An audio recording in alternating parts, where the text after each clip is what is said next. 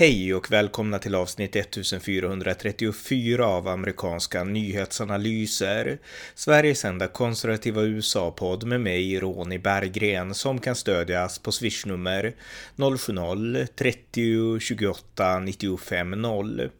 Det svenska intresset för USA är enormt, men trots det så är listan på svenska USA-experter ganska kort. En av dem högt upp på listan är emellertid Andreas Utterström, som ofta konsulteras av SCT och annan media som USA-analytiker. Här följer ett samtal med honom om det intresse vi har gemensamt, amerikansk politik. Varmt välkomna! Andreas Utterström, välkommen! Tack så mycket! Du är en ny bekantskap för mina poddlyssnare och du är, du är inte okänd däremot, för du brukar vara på SVT och du brukar vara i radion och du är känd för att vara expert på USA. Och det var det som väckte mitt intresse då för att, för att prata med dig. Jag tror vi kan ha, vi kan ha stött på varandra någonstans där i tv-korridorerna förra året tror jag, möjligtvis. Jag tror att vi har stött på varandra faktiskt bara en gång. Det var nog SVTs valvaka och då var det så mycket folk så att jag tror bara att vi sa hej och inte pratade något mer. Eh, så att om jag, var, om jag var otrevlig så ber jag om ursäkt. Det var inte min mening. Jag var, jag var både trött och, eh, och eh, mycket folk omkring mig. Det gäller, det gäller alla som, som var där skulle jag tro då. Men, men jag tänkte alltså, kan du börja berätta lite om dig själv? Alltså du har bakgrund som journalist men idag så är du kommunikationskonsult och eh, du har ett långt djupt USA-intresse så att kör igång, berätta lite om, om dig själv. Ja, men jag började jobba som journalist redan i, i tonåren. Det var min dröm ganska tidigt att bli journalist och eh, så jobbade jag på Expressen, DN, Svenskan, Aftonbladet. Så klassisk eh, vikarie som jobbar 11 månader och sen blir utsparkad på grund av LAS-reglerna. Men främst har jag frilansat. Så det gjorde jag i ungefär 15 år och eh, sen så blev jag kommunikationskonsult. Så idag så gör jag och min kollega jättemycket poddar för, för företag och, och andra så att jag jobbar mer med ljud nu. Eh, men det där med hur USA-intresset började, det, det, är en fråga som jag har fått många gånger och då brukar jag alltid säga att det började med att en kompis till mig eh, lånade ut boken Plan of Attack, tror jag den hette. En, en sån här bakom kulisserna bok som Bob Woodward skrev om om George W Bush och hans administration. Och sen så sammanföll det här i tid, det här måste ha varit 2004-2005 med att jag köpte en iPod. Och då för att lyssna på musik men så upptäckte jag att det fanns en massa poddar där. Och då var poddar helt i sin linda men Meet the Press och, och alla de här programmen de la ju ut sina program i, i ljudformat. Så då kunde jag promenera runt Sicklasjön och lyssna på de här poddarna och plötsligt kunde man läsa hela New York Times på nätet så att jag kunde plötsligt följa med nästan som om jag hade bott i USA. Mm. Och då blev mitt intresse starkare och starkare. Eh, jag hade också nytta av mitt intresse privat därför att samma kompis, eh, Johan Bratt, han borde stå staty hemma hos oss, han, han tipsar också om en annan bok som var skriven av Clintons eh, strateger eh, James Carville och Paul Begala som handlar om hur man driver en kampanj. Det är egentligen kommunikationsknep och när jag var olyckligt kär i min kollega då, Emma, så använde jag och Johan knep från den här boken för att få henne på tråden, och, eh, eller på kroken ska jag säga. Så att, eh, 15 år senare så är jag fortfarande tillsammans med Emma och vi har tre barn så att jag har liksom praktiserat amerikansk politik i mitt eget liv så att det var väl ett eh, det blev en bekräftelse på att där finns det mycket att lära sig. Men med detta sagt då, det här är den historia jag alltid brukar dra.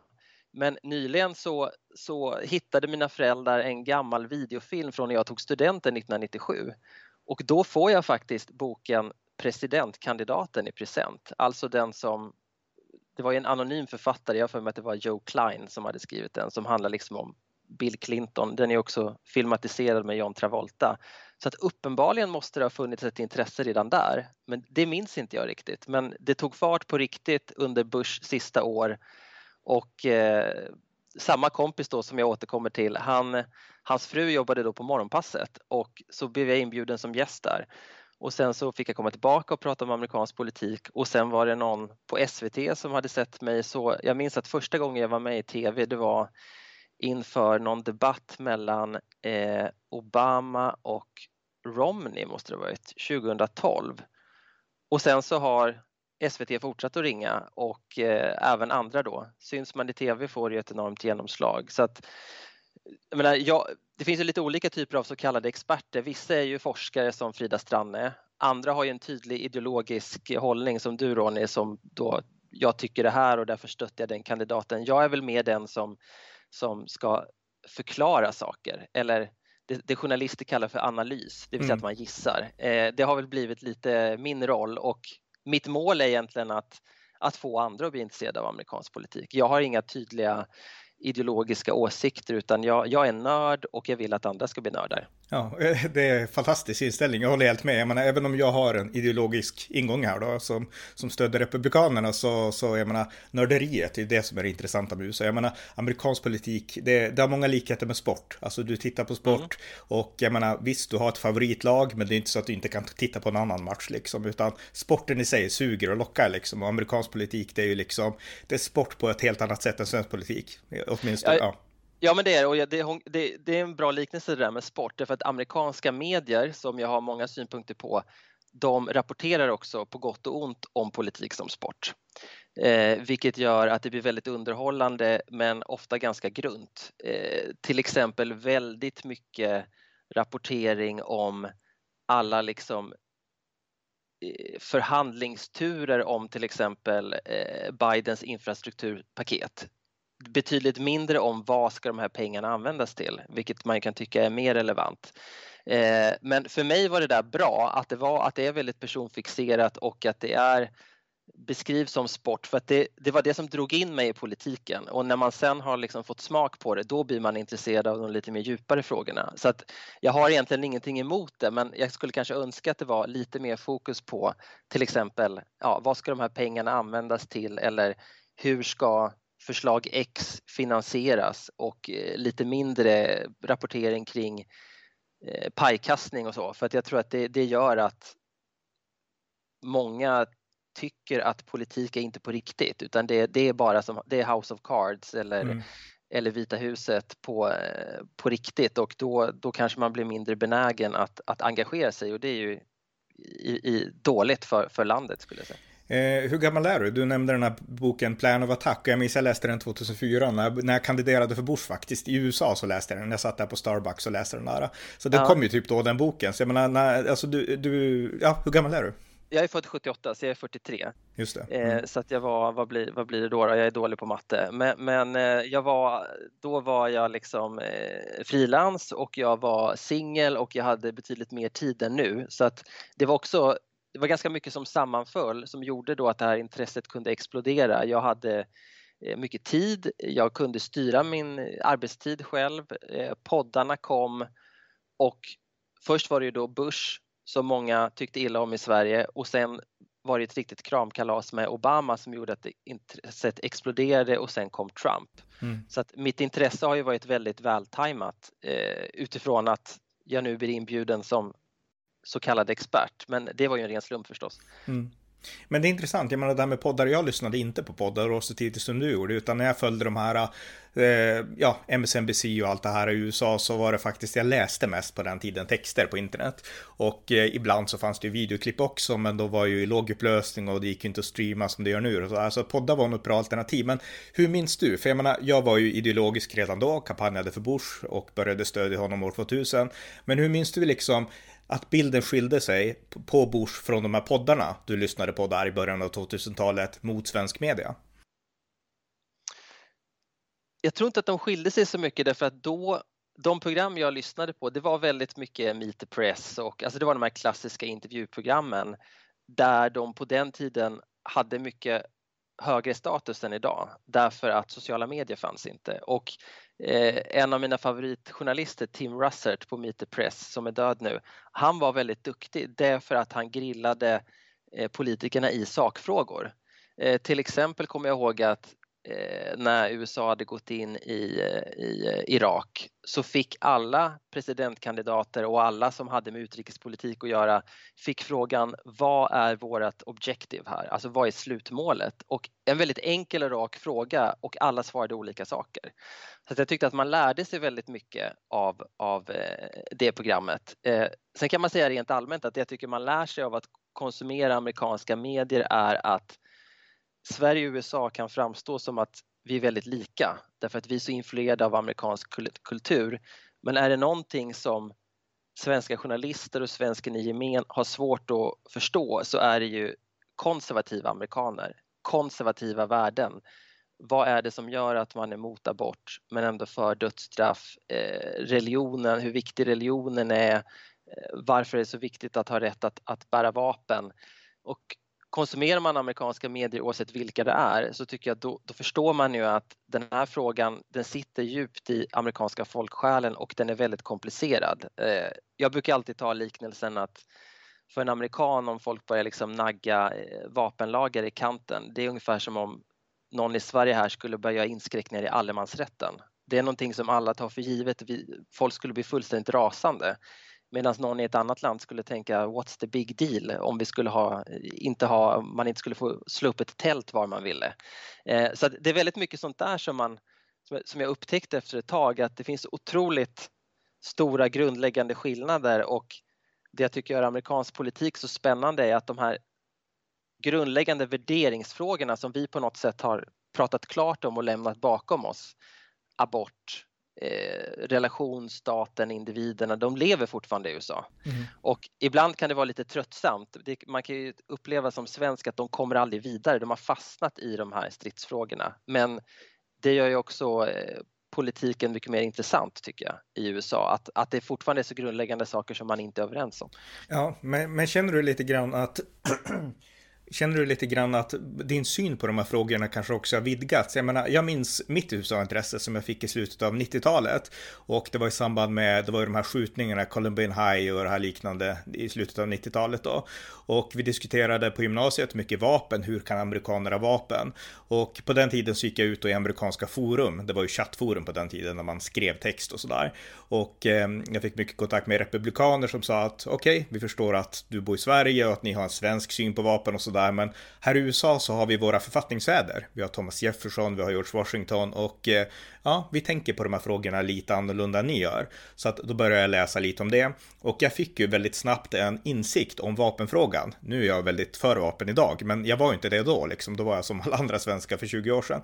Ehm, och då fick jag ändå synen att, eller förståelsen för att det går att förstå deras perspektiv på ett sätt som jag aldrig uppfattade på samhällskunskapslektionerna i Sverige eller på svenska nyheter och liknande. Så att det vart lite ett uppvaknande att du behöver inte hålla med, men du kan ändå förstå dem. Eh, kände du samma sak någon gång i din liksom resa in i det här?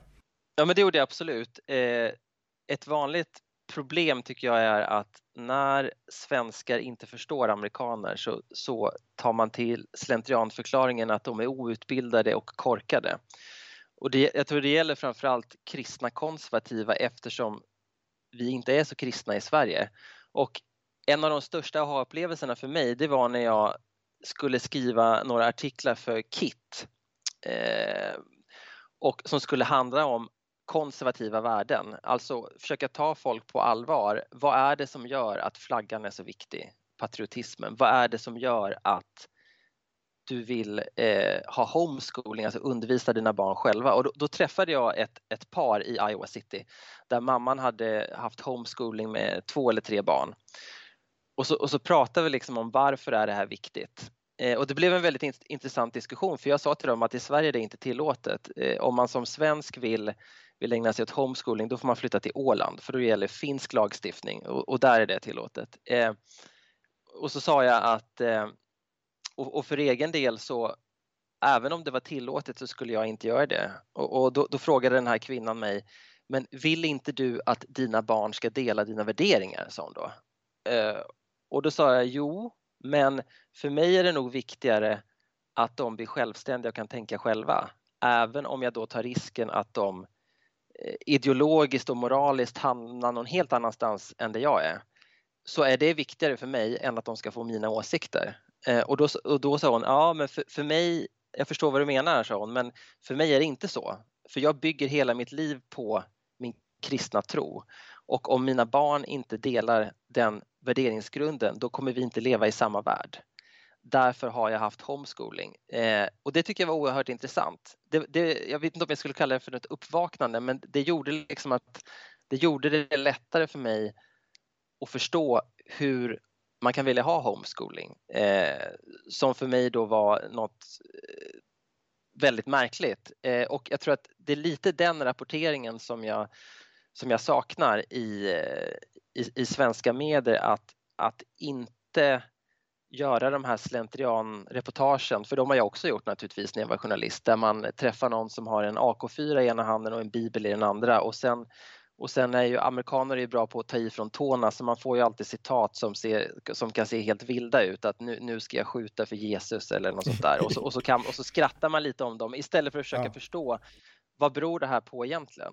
Så, så det, det, det tycker jag är bland det mest intressanta och nästan någon slags livs, livsuppgift tror jag om man är liksom uppväxt i Sverige och försöka försöka förstå det här märkliga landet, hur folk kan ha så olika ståndpunkt och och vad det där egentligen eh, bottnar i. Det tror jag aldrig jag kommer bli färdig med. Jag, jag, tror inte du heller kommer bli det, eller hur? Nej, nej, nej. Men, men alltså det här är också intressant, för att jag menar, eh, du hade ju helt klart en förståelse för att det gick att tänka på ett annat sätt och ändå vara en relativt liksom, vanlig människa, om man nu var amerikan då. Men, men alltså det här, eh, på, liksom, lyckades du någon gång som journalist liksom skriva nyanserat om det här i Sverige. För min uppfattning, nu följde inte jag dig då, men min uppfattning var att det var inte många journalister som lyckades med den här balansen i Sverige.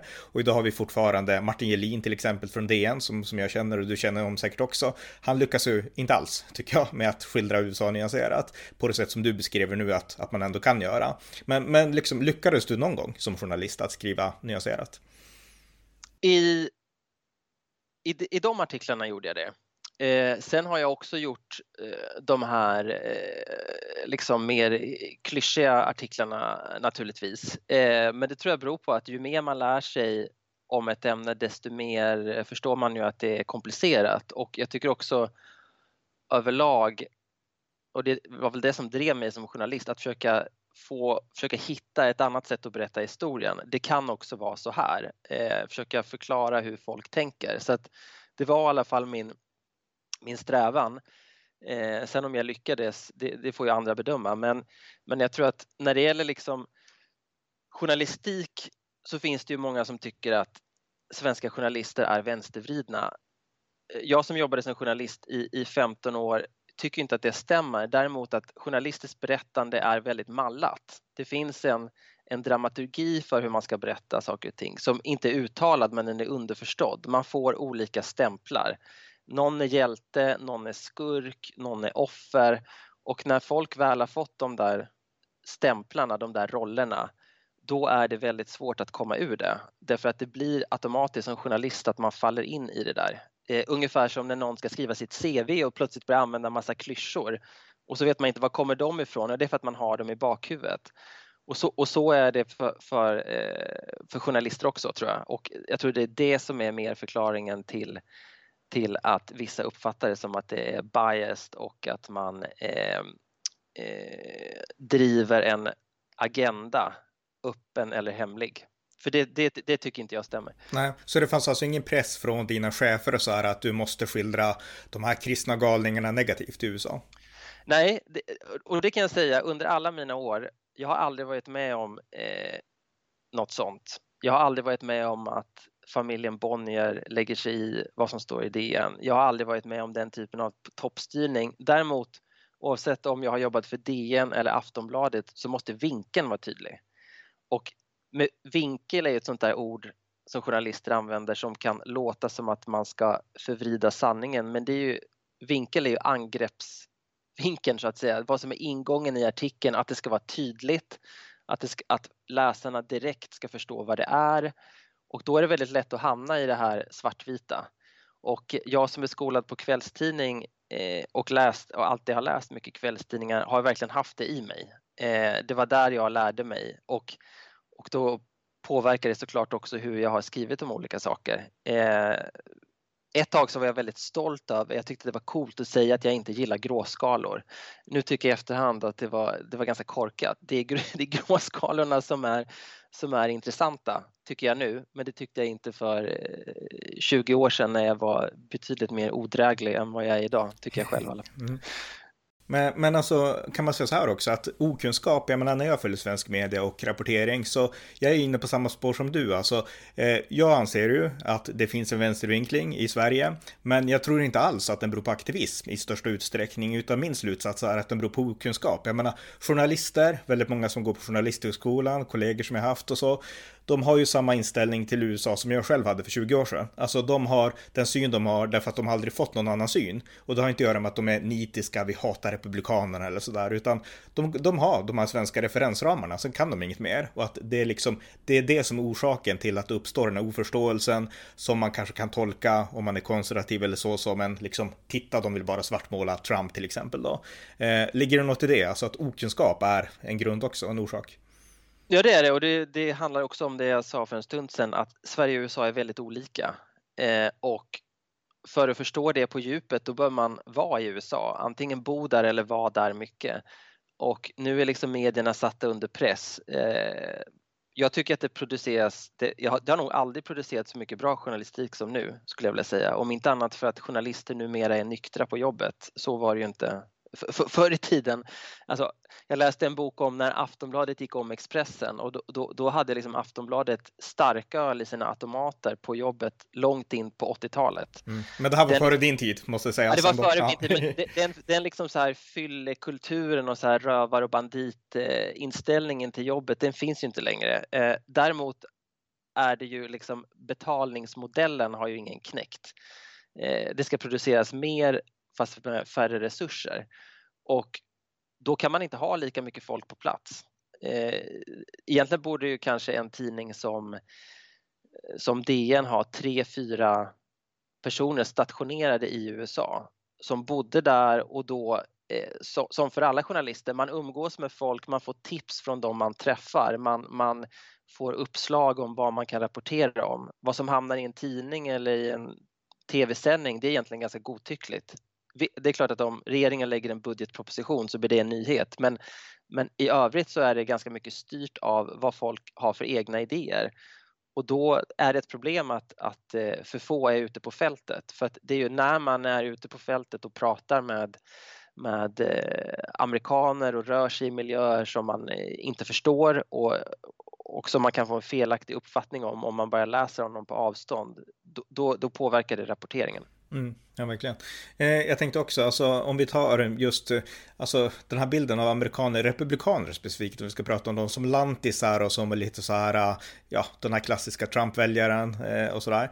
Eh, alltså, Beror det här på att väldigt många journalister är, alltså i Sverige, storstadsbor? Jag menar, jag själv bor på landet, jag är lantis, eller bor i Norrland i alla fall. Och eh, jag menar, jag känner ju att jag kan förstå de här republikanerna som kör liksom sina trucks och tankar och sånt där på ett bättre sätt än jag tycker många journalister som skriver i USA kan. Alltså, kan det bero på också på att det finns en stor Stockholmscentrering bland journalistiken i Sverige? Det tror jag absolut. Eh, och och det, det, märker man ju också att vissa frågor som är viktiga för medelklass i storstäder får oproportionerligt stort utrymme i, i medierna. Rutavdrag eller vad, vad, vad det nu kan vara. Eh, så, så, det tror jag absolut och, och, eh, det är ju ett, ett stort problem, inte bara för medierna, det är ett stort problem för politiker i USA också. Jag tycker framförallt att vänstern kan vara helt verklighetsfrånvänd ibland när man liksom kan säga till en 55-årig person som har blivit arbetslös och jobbat i stålindustrin i hela sitt liv, lär dig koda. Eh, då, då, har man inte fattat någonting och då får man skylla sig själv om Republikanerna håller landsorten i ett, i ett järngrepp. Så det, det där tror jag är ett problem både liksom, eh, politiskt och medialt och både, i, både i Sverige och USA. Mm. Just det. Men om vi går in på alltså det som händer nu då i politiken. Men Trump är ju inte president längre, men han fortsätter att, eh, ja, han fortsätter ju att skapa rubriker och möjligtvis så kommer han att ställa upp igen 2024. Har du några tankar inför det och inför mellanårsvalet nästa år? Mm, vi börjar med Trump. Jag har ju hela tiden sagt att jag inte tror att han ställer upp. Eh, jag tror att det var inte så kul att vara president som han hade trott. Eh, han märkte det som alla märker som kommer till Washington med, med eh, stora förhoppningar om att man ska ändra saker och ting. Det pratade Bush om, det pratade Obama om, det pratade Trump om. Nu ska vi göra saker på ett nytt sätt. det Ny Demokrati kallade för drag under galoscherna här i Sverige, eh, så märker man att det här är en stor koloss och eh, här är det massa starka intressen, det är långa förhandlingar, det är eh, saker och ting går långsamt och det tror jag inte passar honom och Eh, jag tror ju om man tittar på hur han har levt sitt liv så, är, så mitt intryck är att det han är mest intresserad av är att tjäna pengar och det gör man inte som president. Sen håller han ju på, han tar ju vissa steg, han bygger sin organisation och, han, han, och sådär. Det tyder ju på att han ska ställa upp men då får man inte glömma att han har ju alltid under sin politiska karriär fortsatt tänka som en tv-producent.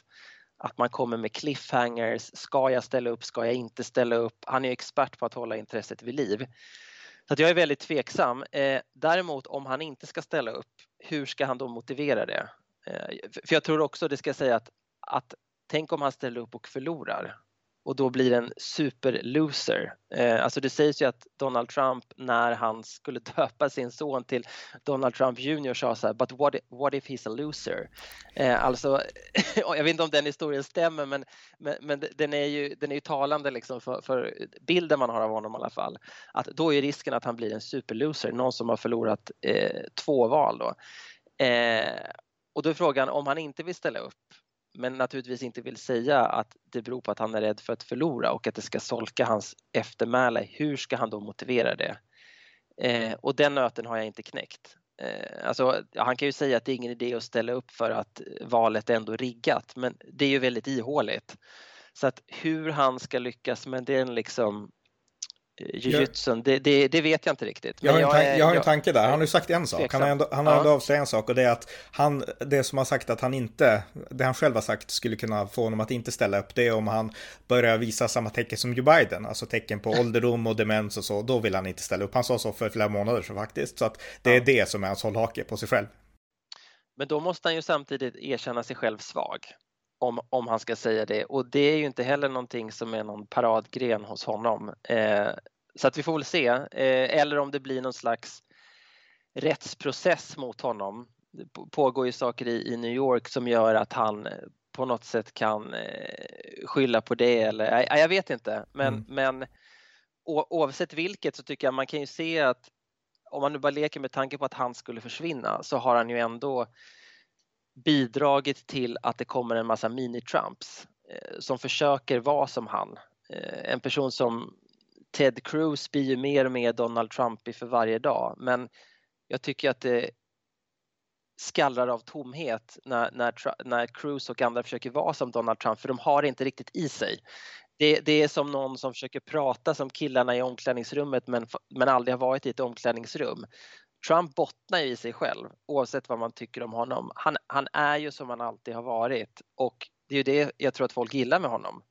Även när han uppenbart far med osanning så tycker ju vissa att det är ett tecken på att han är genuin på något sätt. Mm. Att, att, han är ju i alla fall inte en gammal vanlig slimig eh, politiker som Bill och Hillary Clinton, gamla jurister som alltid håller på och trixar med ord som gör att de kan komma undan. Trump är ju en, en, en, eh, en bulldozer och det har ju visat sig vara gångbart. Och det är intressant att se då att, att andra försöker göra samma sak men jag, har, jag har ju hittills inte hittat någon som jag tycker gör det där särskilt övertygande. Jag vet inte, har du någon som du tycker axlar den där manteln? Jag håller helt med om beskrivningen av att de är mini-Trumps. Alltså de är, ja. det är liksom små hundar som vill leka att de är vargar ungefär. Alltså de är, de är fåniga, jag håller helt med om det. Men ja. alltså, när jag inte hittat någon som är äkta som Trump, alltså det har jag inte. Inte Ron DeSantis, inte Nikki Haley. Nej, det har jag inte. Utan de är, de vill på något sätt eh, liksom eh, ta till sig Trumps image. Men jag tycker att en äkta republikan utifrån det lilla jag kan, jag kan inte så mycket, jag har inte läst någon bok om honom, men jag följde ju kampanjen lite grann och det är Glenn Youngkin eh, som, som vann valet i Virginia till guvernör där. Han tycker jag ändå verkar vara, precis som Trump, genuin. Inte, inte som Trump i personligheten, men genuin på det här klassiska amerikanska sydstatssättet. Så jag menar, där har vi en person som ändå är genuin, som inte försöker vara någon annan och som kan vinna på att han är genuin precis som Trump fast ändå har en personlighet som kanske mer liknar ja, George W. Bush eller någon. Så att eh, genuiniteten skulle jag hitta där snarare då. Och jag tror att det är det som är viktigast för Republikanerna, mycket viktigare än att ha liksom Trumps image, för att eh, den kan bara Trump ha tror jag. Mm. Jag, jag, är inte heller någon, någon, expert på, på just det valet, men av det jag läser mig till så verkar det också som att han pratade om framtiden medan hans motståndare hela tiden försökte koppla honom till Trump.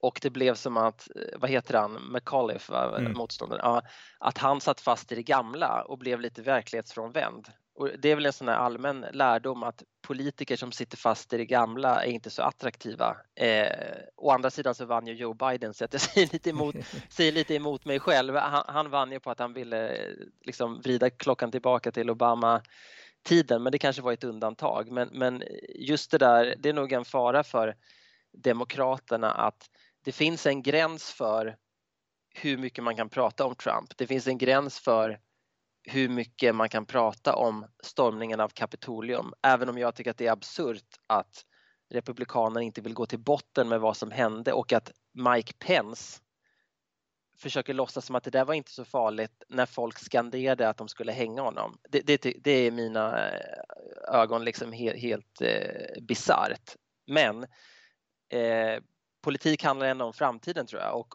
och, och vad, vad kan politiker X göra för för mig eh, just nu eh, om jag som många amerikaner eh, faktiskt eh, får vända och vrida varje månad på att, för att få saker och ting att, eh, att gå ihop. Mm.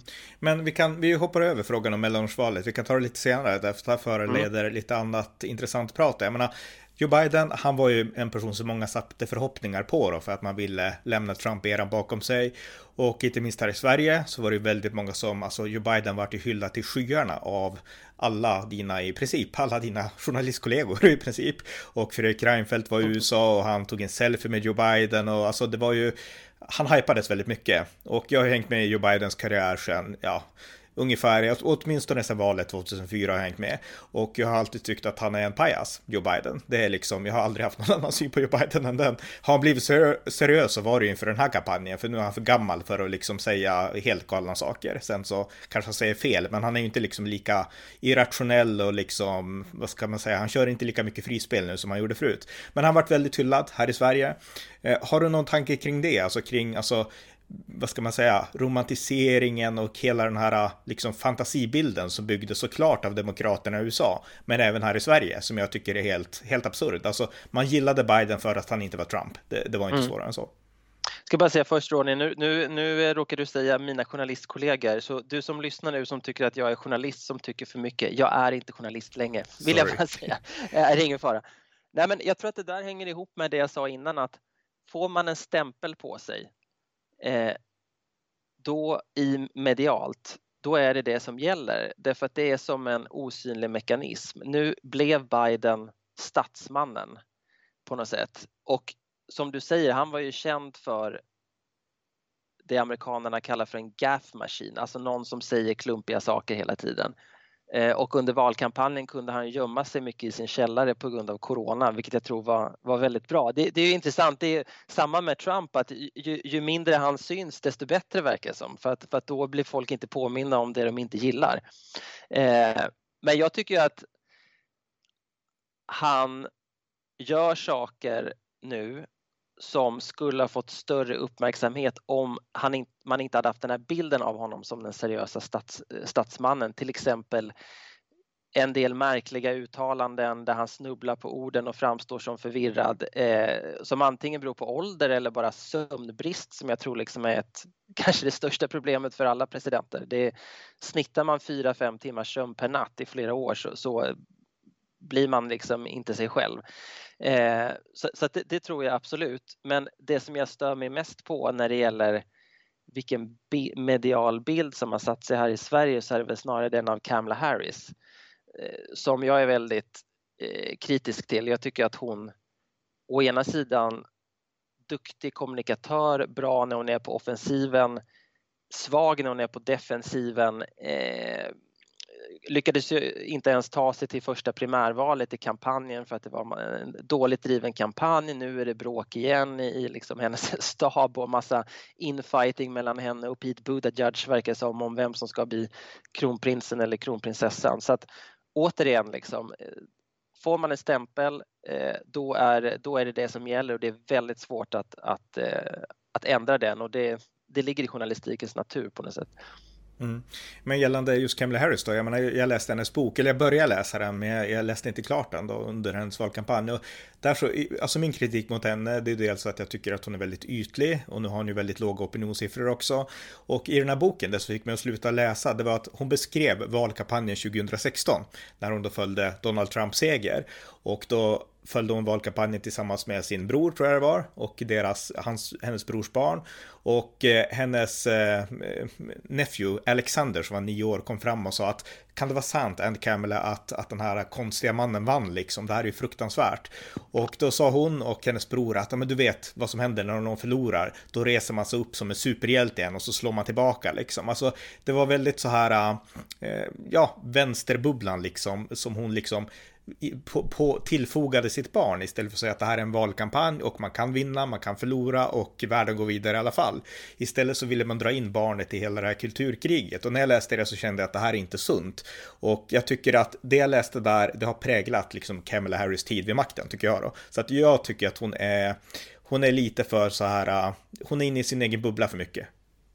Jag tror också att hon är ett offer för alldeles för högt ställda förväntningar. Eh att hon, hon håsades upp som en superstjärna som hon kanske egentligen inte är. Jag, jag säger inte att hon är att hon inte har kvaliteter, för det, det är tydligt att hon har, men, men jag tycker att det periodvis har varit väldigt okritiskt eh, kring henne och, och, då är det också en del av mediedramaturgin att om man skrivs upp så där mycket så ska man sen ner. Och det, det är det som håller på att hända med, med, med henne nu. Eh, samtidigt som man till hennes försvar kan säga så att ja, men har hon fått någon chans att lyckas? Hur kan Biden ge henne liksom gränspolitiken som eh, den viktigaste frågan? Det är ju i princip omöjligt att göra något åt det under en mandatperiod. Eh, är man konspiratoriskt lagd, vilket jag inte är, men jag förstår ändå hur folk tänker tanken att är det så att Biden inte vill att hon ska lyckas? Eh, jag menar, om hon hade fått något slags huvudansvar, även om det hade varit liksom mest för Nissa för, för typ pandemin, då kan man ju tänka sig att oavsett hur det går nu så, så kommer läget ändå vara bättre om fyra år än vad det var när Biden tog över. Då hade Kamala kunnat ta åt sig äran. Men, men eh, gränspolitiken är ju Ja, men det är ju en av de svåraste frågorna och varför hon fick den, det, det är för mig en gåta faktiskt. Mm. Men om vi tar, alltså jag var inne på svensk media här, att man, var, man gillade att romantisera Biden och det gällde ju Kamala Harris också i början i alla fall. Jag tror att kritiken har börjat komma till Sverige också nu, liksom lite grann i alla fall.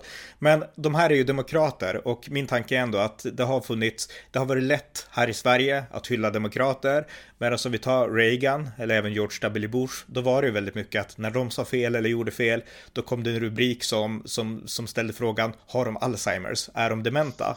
Jag har läst sådana texter i både DN och Aftonbladet gällande både Reagan och Bush. Och eh, ja, den frågan kanske kunde vara lite aktuell med Reagan, men jag menar, Joe Biden slår ju alla liksom, det finns ju liksom inga likheter med Joe Biden i något av de här fallen. Så jag menar, det finns ändå en tendens här att liksom romantisera demokrater lite snabbare än man och samtidigt som man är snabb på att göra motsatsen med republikaner. Mm, ibland kan det vara så eh, och det tror jag beror på att det är lättare för svensken i gemen att förstå sig på Demokraterna. Även om jag tycker att det demokratiska partiet beskrivs som mer vänster än vad det är. Det är inte eh, Alexandria Ocasio-Cortez och Bernie Sanders som är genomsnittsdemokraten. Obamacare är inte sjukvård av svenskt snitt.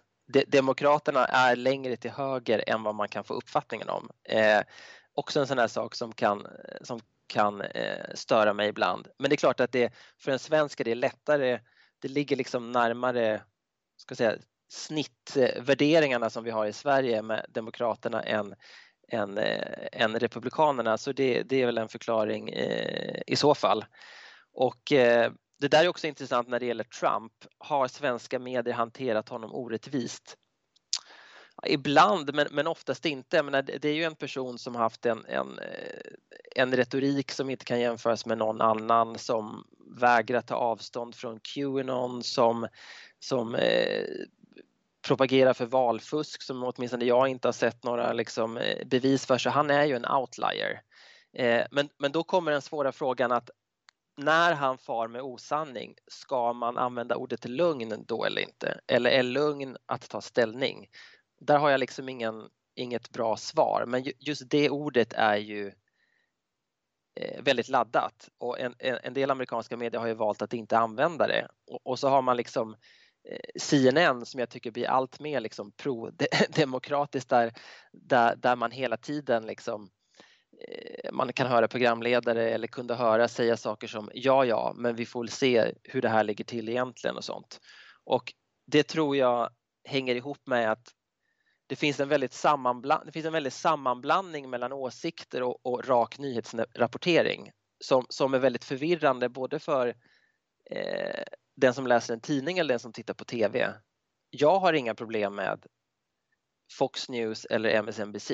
Men jag kanske betraktar det mer som underhållning. Men jag önskar att det på liksom CNN och andra kanaler som försöker hålla sig i mitten att det var mycket tydligare. Det här är rak nyhetsrapportering. Vi försöker vara så neutrala vi kan.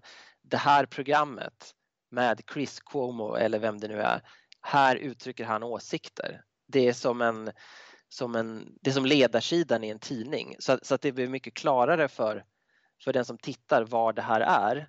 Eh, och så finns det en sak till som komplicerar det, det är ju när nyhetsreportrar eh, i sociala medier ger uttryck för åsikter. Och det är väldigt, väldigt dumt. Det borde de strunta i därför att då öppnar man ju för kritik om att allting som står i New York Times till exempel är vänstervridet och, och det tycker inte jag att det är. Det stora problemet med New York Times tycker jag är att det finns liksom ett, eh, ett snobbigt storstadsperspektiv när, när tidningen är som sämst. Eh, så det är liksom mycket så, som, som hänger ihop där. Jag skulle liksom önska att det var mycket tydligare, eh, liksom, nästan som etiketter, mm. eh, åsikt, nyhetsrapportering så, så, att, så att det är liksom klart och tydligt för alla, både de som jobbar där och de som tittar eller läser beroende på om det är tidning eller tv. Ja, nej, men jag håller helt med. Jag, menar, jag tycker att eh, alltså, alla de här eh, nyhetsorganisationerna, de har en sund saklig rapportering. Sen är det den här ideologiska som alltid man kastar strål, strålkastarljuset på, oavsett om det är Tucker Carlson eller Sean Hannity på Fox News eller eh, ja, men Chris Cuomo på CNN eller eh, ja, Rachel Maddow, hon är för sig ideolog på ett tydligt sätt. Men, men liksom, eh, så att det är fokus på dem, men alltså, det finns ändå en grundläggande sund rapportering hos alla de här och det, det håller jag med om. Men, men alltså om vi tar, om vi gå över till Sverige lite grann då. Vad tycker du om att, eh, vad skulle svensk media kunna lära av amerikansk media, tycker du? Ja, det var en bra fråga. Ehm, alltså, amerikanska medier är ju väldigt bra på att få politik att vara intressant. Även om jag tycker att det, Trump har bidragit till att det har blivit eh, lite clownshow över det hela. Men, men just att man är otroligt bra på att dra fram det, det som verkligen är grejen, komma till saken. Och det har ju också ihop med att amerikanska politiker är väldigt skickliga på att det här är mina tre talking points som jag ska säga. Eh, och ibland kan det ju bli att de låter som robotar för att de svarar inte på frågan. Men de får ju åtminstone sagt eh, det de vill. Eh, sen tror jag att Trump har gjort det svårare för journalister för Trump har visat att det är väldigt gångbart att flytta fokus. Att först förneka att man har sagt någonting och sen spelar journalisten upp ett klipp där han har sagt precis det han har förnekat och då säger han igen så här, ja ja, men varför, sa ni inte, varför gjorde ni inte lika stor sak om den Hillary Clinton ljög och så vidare. Och det tror jag många andra amerikanska politiker eh, har upptäckt att det är väldigt bra att ha media som fiende. Eh, och eh, det är inget bra och delvis har media sig själva att, att skylla för om man rapporterar om verkligheten på ett sätt som många inte känner igen sig i då, då, eh, då får man till viss del skylla sig själv.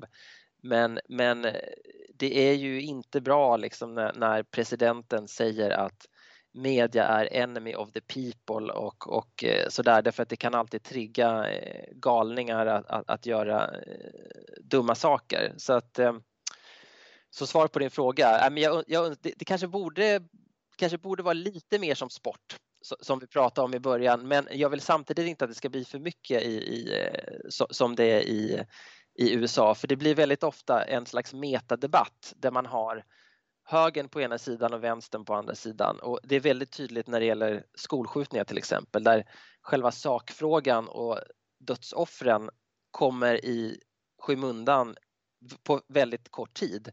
Sen börjar man diskutera att den andra sidan beskriver verkligheten på ett ohedligt sätt.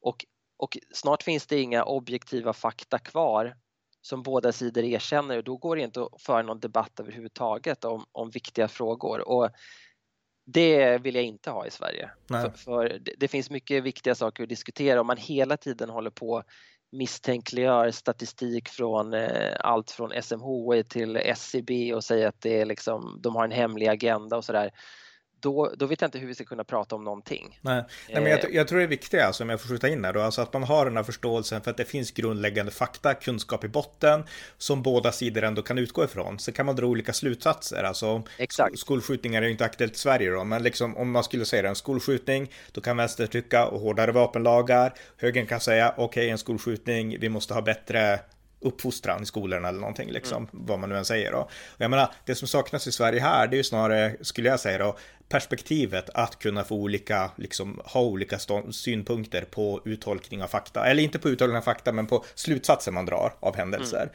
Jag menar, det saknas ju i Sverige, så det jag skulle vilja säga, det är en plattform där både vänstersidan och höger, högersidan kan synas på samma villkor lite grann. Och jag då som är åt högersidan och jag tycker att Sverige lyckas inte så bra med det. Nu har ju för sig jag fått vara på SVT och prata om Trump och så, men, men liksom jag tycker ändå det räcker inte tycker jag. Men tycker du när, när du har blivit inbjuden då, du blir oftast eh, inbjuden för att, eh, eller har blivit i alla fall, här har vi en svensk kille som gillar Trump. Eh, upplever du att du blir hårdare ifrågasatt än någon som bjöds in i samma program för att berätta varför man gillar Joe Biden? Eh, ja, lite. Alltså, jag, nej, jag upplevde inte det, men när jag reflekterade över efterhand så var det nog så. Speciellt när jag pratade om eh, vapenfrågan som kom upp väldigt snabbt då, under valet förra året. Då fick mm. jag frågan, men hur kan man ha vapen? Och jag menar, jag är så van vid de här frågorna så det var inte svårt att besvara det enkelt. Men, men lite, det kan jag nog ändå tycka. Och det, det, det har ju sin utgångspunkt i att de här uh, svenska programledarna, de har ju i grunden en svensk syn. Så de tycker, när de träffar mig, de tycker oftast att jag är schysst och så, men när de träffar mig så tänker de först, vad konstigt, hur kan han som svensk tycka att det är bra med liksom second amendment. Det är klart man inte kan tycka så. Så att det beror ju på den saken. Så att kritiken kommer inte från någon illvilja, det upplevde jag aldrig. Utan bara från den här instinktiva, liksom, själv, min svenska inställning eller deras svenska inställning är att ifrågasätta om man är för vapen, till exempel. Mm. Ja, Precis, och det är också en journalistisk eh, ryggmärgsreflex att söka sig till det som sticker ut mm. och, och sen också att eh, att man ska vara kritisk. Nu har inte jag gått Journalisthögskolan men jag menar det, det, det ligger ju i, i alla, liksom, det är grundläggande inom journalistiken och ibland kanske det blir, kan bli lite för mycket att till exempel du då ska på något sätt försvara varför du är pro-republikan istället för att eh, eller du ska försvara det istället för att förklara det. Det kanske mm. egentligen är mer mer eh, intressant för, för den som tittar. Men jag tycker att alltså, sättet att försvara sig är att förklara sig, skulle jag säga. Ja, exakt. Så att, ja. Mm. Ja. Eh, ja, men det var intressant. Jag har inga fler frågor, men vi kanske väl, eh, ja, har du något mer du vill tillägga eller någonting du tycker är intressant att förmedla? Ja, men jag tänkte på det här vi pratade om med, med partiska medier och så. Jag, jag, fick frågan någon gång så här, men var tycker du att du hittar när du, när du ska läsa om amerikansk politik, var var tycker du att du hittar en balanserad rapportering? Och då hade jag inget svar när jag fick den frågan i samband med någon föreläsning eller vad det var. Men jag måste nog ändå säga att Politico tycker jag är ganska bra. Alltså de är ju, de har blivit anklagade för att vara vad amerikaner säger, för inside baseball och att det typ är någon slags ADHD-bevakning när man, mm. man springer på allt sådär. Men jag tycker ändå att de är ganska duktiga på att både liksom snabba nyheter och även eh, fördjupning och att försöka hålla sig i, i mitten. Så att är, är det någon sajt som jag liksom känner ganska stort förtroende för så är det faktiskt den. Eh, sen tycker jag att man som svensk eh, om man nu så att säga står på Demokraternas sida, då ska man ändå konsumera Fox News, Breitbart och Newsmax. Newsmax kan man för övrigt streama gratis i appen. Därför att annars förstår man inte hur då inom citationstecken den andra sidan tänker. Mm. Och, och, samma sak om man, om man står på din sida då Ronny, att då, då är det lika viktigt att läsa, eh, kolla på MSNBC och läsa Huffington Post eh, eller vad det nu är för någonting. För att annars så blir man för mycket fast i liksom sina egna, alltså man, man lär sig ingenting. Nej, man fastnar i sin egen bubbla och då blir det ju krig. Alltså om du aldrig kan förstå ja. hur den andra tänker, då blir det ju liksom våld och liksom, ja, hård retorik och så. Så att jag menar, det undviks därför på det sättet. Ja. Och jag menar, ja. när jag hängde med som mest i amerikansk politik, då följde jag alla de här söndagsshowerna, CBS och eh, PBS och Fox News och MSNBC. Och då fick man ju, det jag var inne på tidigare, alltså man fick den grundläggande händelsen, men sen fick man också den vänsterliberala tolkningen och den konservativa tolkningen. Och så kunde man förstå att varför olika tänker olika på egentligen samma händelse. Så att eh, jätteviktigt. Men sen är det svårt, jag menar alla hinner inte det. De flesta hinner Nej. inte hänga med i alla nyhetskanaler, så vi har ett problem där också. Så att det är inte, det är inte lätt det här att lösa. Nej, det är inte, men, men jag tycker ändå att, att, att eh om man, om man verkligen är nörd så ska mm. man försöka konsumera olika och, och eh, det finns ju många såna här eh, ska säga, tyckare, pandits, analytiker och så. Men om jag får tips om en som jag gillar väldigt mycket så är det John Dickerson och eh, han är en av de fasta panelmedlemmarna eh, i Slate Political Gabfest. Och där är ju de andra två då, de är uppenbart vänster. Han är väldigt neutral tycker jag och han är också en någon som ofta för mig i alla fall kommer med inspel och ingångar som jag absolut inte har tänkt på. Eh, alltså väldigt smart helt enkelt. Eh, och nu jobbar han på, på eh, CBS men, men, han är en sån här person som jag tycker att man ska följa för man lär sig alltid eh, mycket av honom och jag uppfattar honom också som, som hederlig. Alltså mm. att han har ingen, det är klart att han innerst inne har åsikter men han, han brinner liksom för att, att förklara saker och, och eh, inte fastna i Alltså han springer inte åt alla, alla håll åt samma håll som alla andra och, och det, det, det, uppskattar jag verkligen med honom. Så att John Dickerson är ett bra tips. Mm. Nej, men det viktigaste det är ju hederligheten. Jag menar, om du, även om du vet att den här personen tycker inte som du, om den är ärlig och om den bara vill ändå genuint berätta det den tycker är sant, jag menar, då kan du lyssna med respekt på den också. Så det är viktigt att förstå alltså att det är nästan viktigare än personens politiska åsikt. Men jag tänkte om vi ska avsluta med, jag kan slänga fram... Förlåt, Ronny, får jag bara fråga dig en annan mm. sak apropå detta. Tror du att Tucker Carlson och Rachel Maddow, om man nu ska ta en från Fox mm. och en från MSNBC. Tror du att de är genuina i sina åsikter eller att det här handlar om att de har hittat en, en kommersiell gångbar nisch? För det man ska tänka på är att amerikanska programledare på den nivån, de kan alltså tjäna hundratals miljoner om året eftersom även om det är nischprodukter, för varken MSNBC eller Fox har så höga tittarsiffror som man tror, men för annonsörerna är det väldigt bra för de vet precis vilken målgrupp de når. Så tror du att de är genuina i sina åsikter eller att de har hittat en, en, eh, en folla där de kan blomstra och tjäna mycket pengar.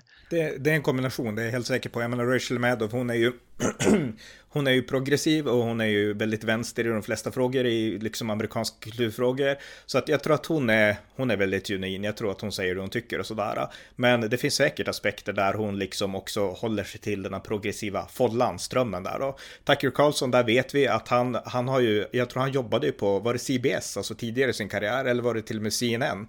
Ja, CNN tror jag det var. Så kanske det var, ja precis, innan han kom till Fox News. Så han har ju rört sig mer åt högerhållet. Och vi kunde se under presidentvalet förra året att eh, Tucker Carlson var ju en av dem som var ute och kritiserade, det var någonting med Trump, jag har inte det här i huvudet nu, men om det var valfusket, han, han tyckte att Trump betedde sig illa och det vart en total backlash mot Tucker Carlson. Och han, han vände ju, alltså väldigt många på Fox News vände och hängde med, okej, okay, ja men vi, det här, nu, nu tonar vi ner det här. Och nu är Tucker Carlson helt på andra sidan, han vill liksom eh, vit whitewash, liksom 6 januari och liknande saker. Så att jag menar, jag tror han är, han har orienterat sig åt höger utan tvekan, väldigt mycket är genuint, men det finns också lite grann att han känner att han är fången i det här äh, som just nu är Trump-spåret också tror jag.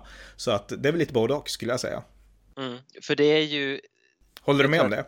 Ja, jo, jag, jag, tror att du har rätt, men det, man ska nog ändå inte underskatta det här att om man tjänar så mycket pengar och märker att här, här får jag en stor publik och, och en, en, eh, blir liksom en ikon på så till den milda grad liksom att i Tucker Carlsons fall så har ju folk pratat om huruvida han ska ställa upp i, som presidentkandidat till och med.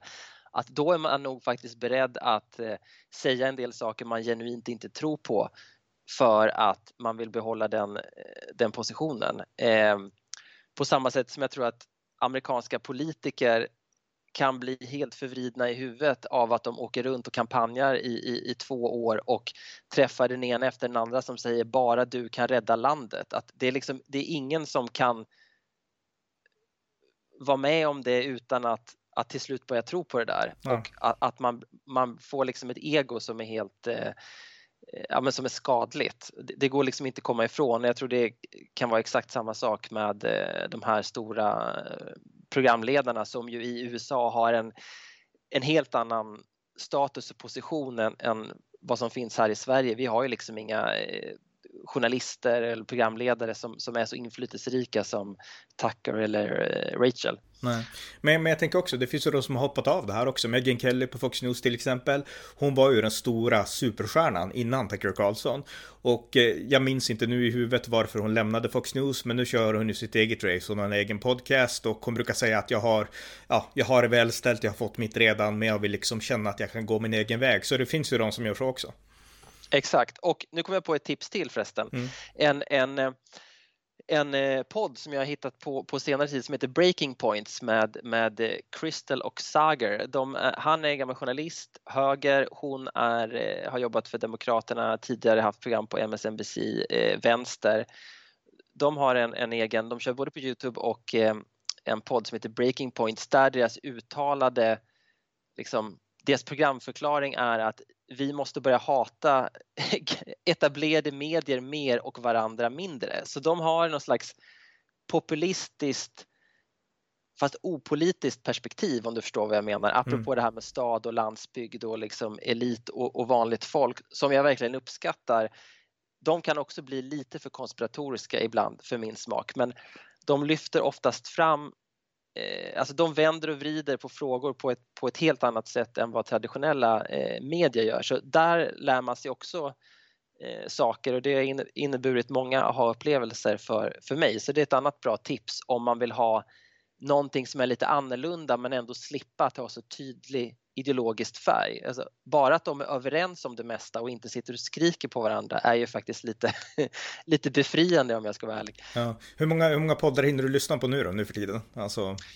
Eh, nej, men de, de, jag lyssnar faktiskt numera väldigt sällan på de här söndagsshowerna. Det, dels för att jag, de har tappat sin relevans och det är också så många som, som politiker som är med där som, som faktiskt inte svarar på frågorna så det är inte lika intressant längre. Men de jag lyssnar på slaviskt det är ju Slate Political Gabfest på, eh, på eh, fredagar eh, svensk tid och, och sen den här Crystal och Sager nu och, och sen är jag New York Times, The Daily lyssnar jag på lite då och nu så här, sen är jag ganska mycket eh, allätare faktiskt men det här är de två som jag nämnde nu, det är de som jag eh, aldrig missar. Just det, mm, mycket intressant. Men då vill jag säga tack till dig Andreas för att du var med. Jätteintressant att höra om din historia och ditt intresse, så tack. Tack så mycket, kul att ses till slut. Det var avsnitt 1434 av amerikanska nyhetsanalyser. En podcast om internationell och amerikansk politik med mig, Ronny Berggren, som ni gärna får stödja på swishnummer 070-30 28 95 0 eller genom att via hemsidan stödja på Paypal, Patreon eller bankkonto. Det var allt för idag. Tack för att ni har lyssnat.